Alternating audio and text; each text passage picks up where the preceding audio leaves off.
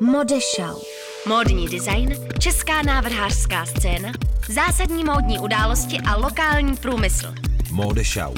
S Veronikou Rupert na rádiu Wave zveme na Pražský týden módy Mercedes-Benz Prague Fashion Week, který startuje právě tento pátek a o víkendu v pondělí a v úterý se odehrávají módní přehlídky. Ta hlavní lokace je tentokrát obchodní dům Kotva, ve kterém už se tahle akce dvakrát uskutečnila, jednou v garážích a jednou v těch vyšších patrech. Tentokrát to má být zase eh, na různých místech. V garážích budou takové zajímavé prezentace, které například nabídnou módu ve spojení s novými technologiemi a v těch vyšších patrech budou módní přehlídky.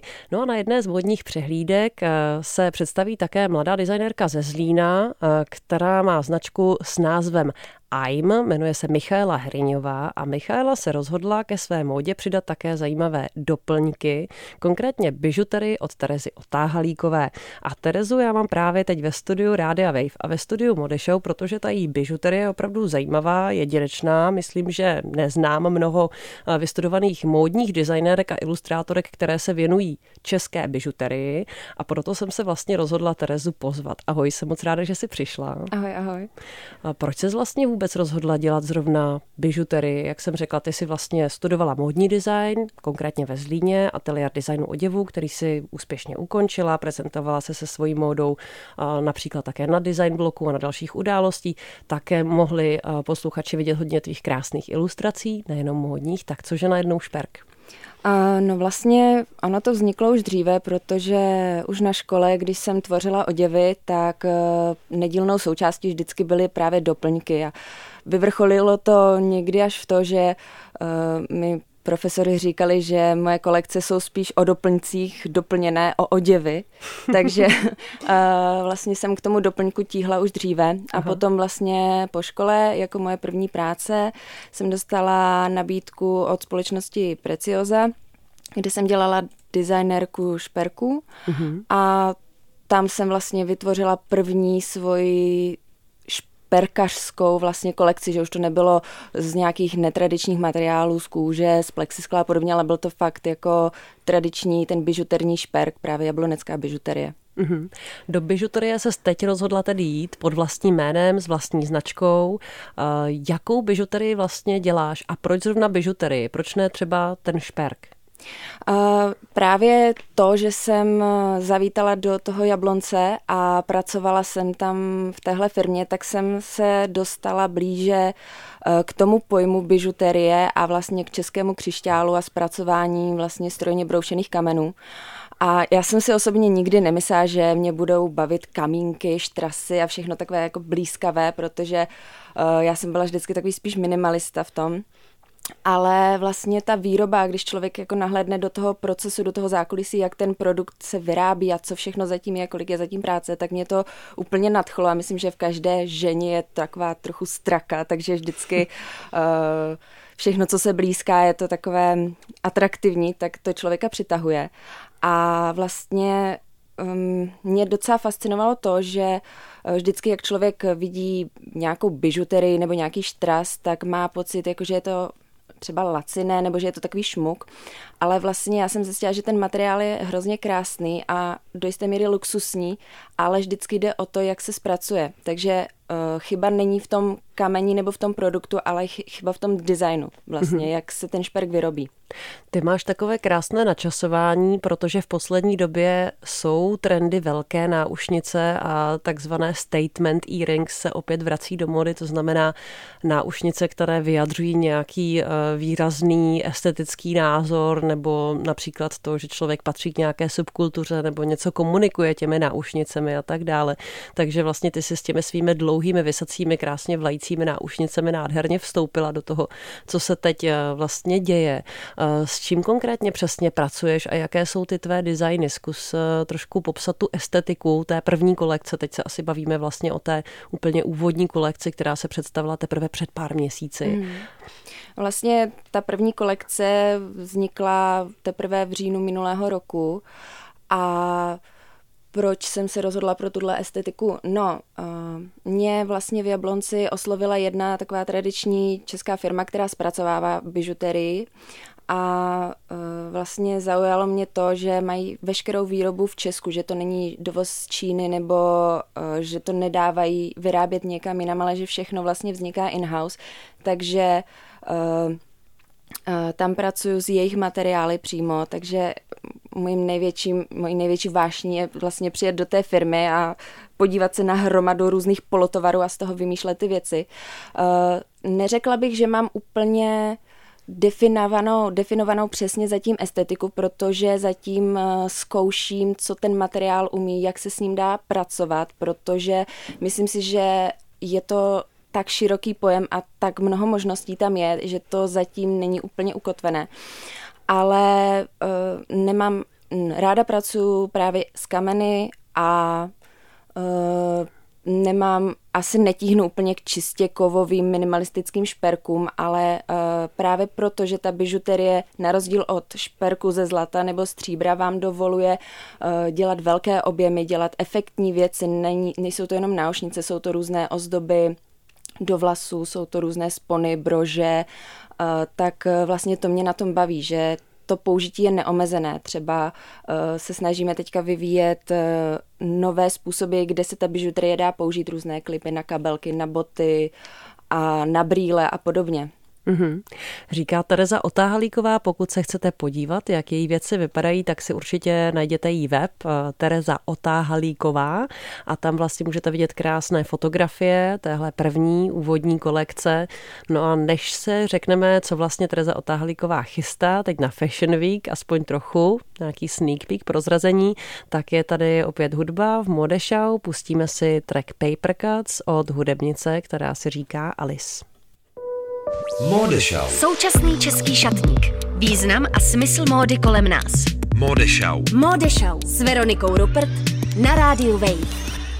I, I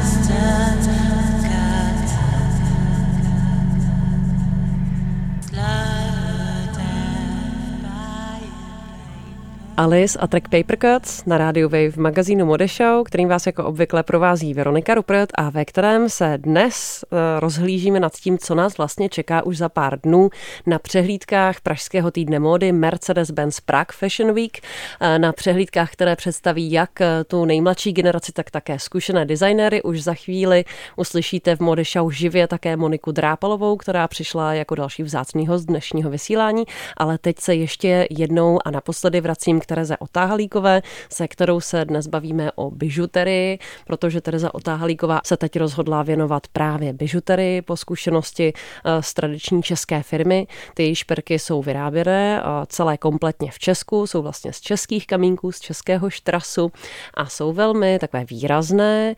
Tereza v jednom, v jednom z těch šperků nebo ve dvou, koukám vlastně, přišla i do studia. Jedna ta náušnice je taková velmi dlouhá, taková takové dlouhé třásně blištivé a ta druhá je naopak zase krátká zkrátka.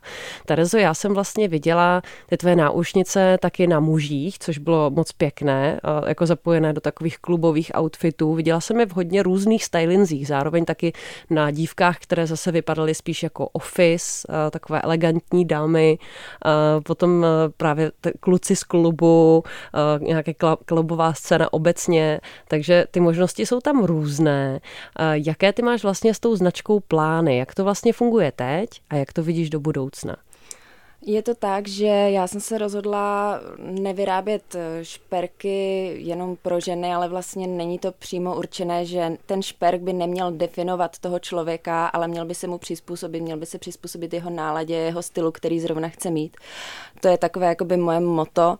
A vlastně plány mám takové, že uh, Svoji značku rozvíjím jak eh, v autorské tvorbě, takže vznikají kolekce, které mají nějaké téma nebo jsou postavené na nějaké technologii, ale zároveň jsem se rozhodla, a to mě velice naplňuje, eh, spolupracovat právě s oděvními designery, tím, že vlastně já sama jsem vystudovaná oděvní designerka a pracovala jsem nad svojí značkou, tak eh, dokážu lépe se do toho tvůrce vcítit a myslím si, že právě tahle kolaborace mi dává velký smysl, že najednou nejsme konkurenti, ale najednou se podporujeme, můžeme se spojit a vznikne něco velice jako posunutý na, posunuté na jiný level zase. Mm-hmm.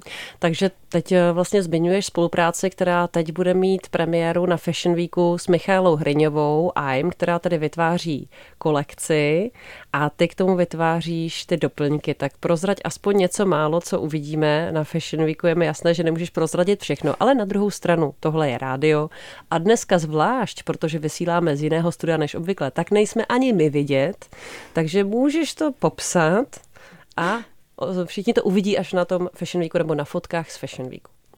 Je to tak vlastně uh, pár měsíců zpátky mi Míša volala a uh, ptala se mě, jestli bych právě uh, říkala, že bude mít přehlídku na Mercedesu a zeptala se mě, jestli bych nechtěla k její kolekci přímo vytvořit šperky na míru a popsala mi nějak svůj koncept, čím je to inspirované. Já jsem říkala, jo, je to, to je, vypadá to super a m, jako mně se její estetika velice líbí. A právě proto, že chci dělat ty šperky velice variabilní a tvárné, tak eh, vlastně na, tom, eh, na té kolekci bude ukázáno, jak ten šperk se dá vlastně variovat, kde všude se dá použít. Takže to nebudou jenom náušnice, ale budou to různé záušnice, bude se to dát připínat na oděv, na pokrývky hlavy, na boty a vlastně to použití toho celého konceptu toho šperku je variovat, vari, variabilní podle toho, jak ten člověk vlastně se cítí zrovna nebo kde ho chce použít. Mm-hmm, tak to zní rozhodně zajímavě. Ještě se zeptám na poslední věc. Když se řekne bižuterie, ty si vlastně v tom minulém vstupu řekla, že často si lidi řeknou, to je něco laciného nebo takového frivolního trochu a tak. A ty říkáš, že to vlastně děláš jinak. Jak náročné na výrobu jsou třeba ty tvoje kusy? Pokud si třeba zamyslíš nad těmi náušnicemi, co máš ty na sobě, ty dlouhé třásňové náušnice, jak náročné na výrobu to je a jak se to propisuje do té ceny. Nechci, abys řekla přesně cenu, ale tak řádově, aby si člověk dovedl představit.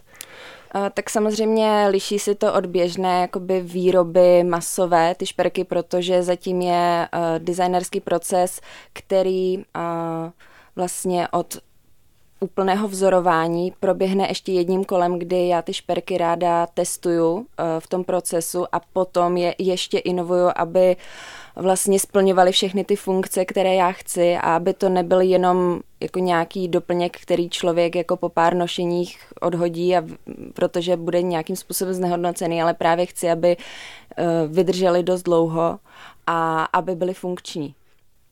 Takže vlastně ten proces je náročný v tom, že nejenom, že za mě je tam dlouhý ten designerský proces, ale vlastně i ta firma, eh, která to vyrábí, tak se musela trochu naladit na tu na jiný způsob práce, právě protože většinou tady ty firmy neúplně často pracují jakoby s úplně takovýma kreativníma designérama, ale já si myslím, že pomalu si na mě zvykají a mm-hmm.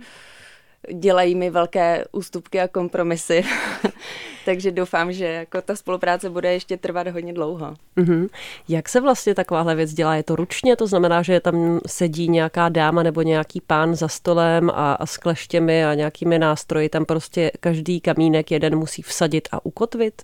Uh, Částečně ano, protože třeba ten štrasový řetěz to je vlastně polotovar, který se vyrábí strojově, ale potom každý ten šperk vlastně uh, je sestavený právě z těch jednotlivých dílů a ta paní pasířka to musí vlastně spojovat, uh, spasířit, pak se to čistí, pak se to dá zase na galvanizaci, což je úplně jiná firma, to je taková vlastně další alchymie, takže je tam spoustu procesů, kdy se může něco pokazit mm-hmm. a vlastně tím je ten vlastně tím, že je to ta ruční práce, tak se to projevuje i právě v té ceně. Hmm. Často se bavíme s modními designéry, že je třeba málo uh, krejčích a, a, a švadlen a lidí, se kterými by vlastně mohli produkovat ty věci, jak je to třeba v případě uh, té bižuterie. Ty si tady zmínila paní pasířku, tak to by mě zajímalo, jestli je, jestli je paní pasířek hodně, jestli jsou to hlavně paní, nebo jestli to i páni pasířové a jaká je vlastně ta situace v tomhle oboru. No, v Řekla bych, že v tomhle oboru právě v tom pasíření je ta situace ještě horší než právě u těch krejčových, protože uh, ten obor není úplně tak atraktivní, je to vlastně taky pořád jako manuální práce, protože ta paní pasířka musí těch kusů třeba vyrobit 100 a všechny musí být jakoby Za den. stejné. Za den asi ne, ale jako v nějakém časovém horizontu. Dobře, jsem se Záleží jako asi podle složitosti.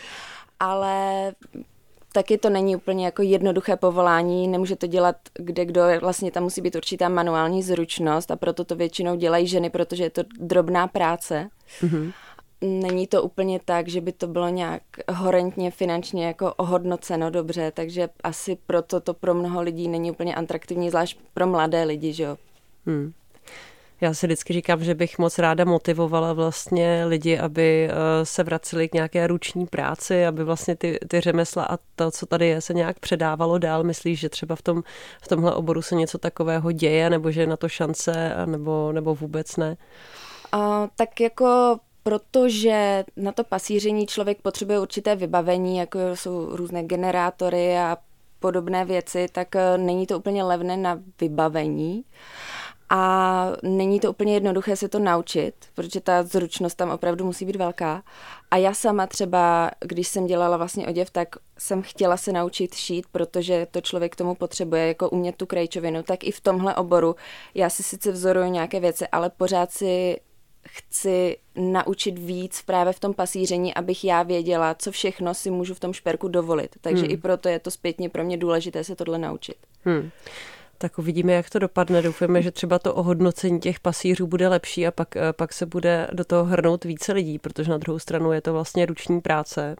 A myslím, že může být i hezká, uvidíme nevím, asi se půjdu podívat do nějaké dílny pasířské, abych si to udělala představu. Eh, na Radio Wave Mode Show jste poslouchali rozhovor o bižuterii, teď hodně o pasíření, ale eh, celkově o špercích, které uvidíte na Fashion Weeku, eh, pokud budete živě na přehlídkách a nebo na fotografiích z modních přehlídek samozřejmě, které Mercedes-Benz Prague Fashion Week zveřejňuje vždycky velmi rychle, hned po přehlídkách. V tomhle je ta akce velmi profesionální, že vždycky ta fotodokumentace, ten záznam těch přehlídek je opravdu v řádu hodin uh, hned vidět a ty fotografie jsou opravdu dobré, takže na nich budou zářit šperky Terezy Otáhlíkové, které doprovází kolekci značky AIM Michály Hrňové. Já děkuji moc za návštěvu v Mode Show, díky. Děkuji moc taky. A přeju hodně štěstí v další práci. Uh, no a za chviličku už dostane slovo můj druhý host, Monika Drápalová, která dorazila do našeho vysílání čerstvě z fittingu, což je vlastně takové zkoušení uh, před přehlídkou, kdy se zkouší přímo už na modelkách ty modely, které se představí na módní přehlídce. Takže jaký byl ten fitting a co uvidíme a další otázky mám připravené na Moniku Drápalovou. Pustíme se do toho za chvilku.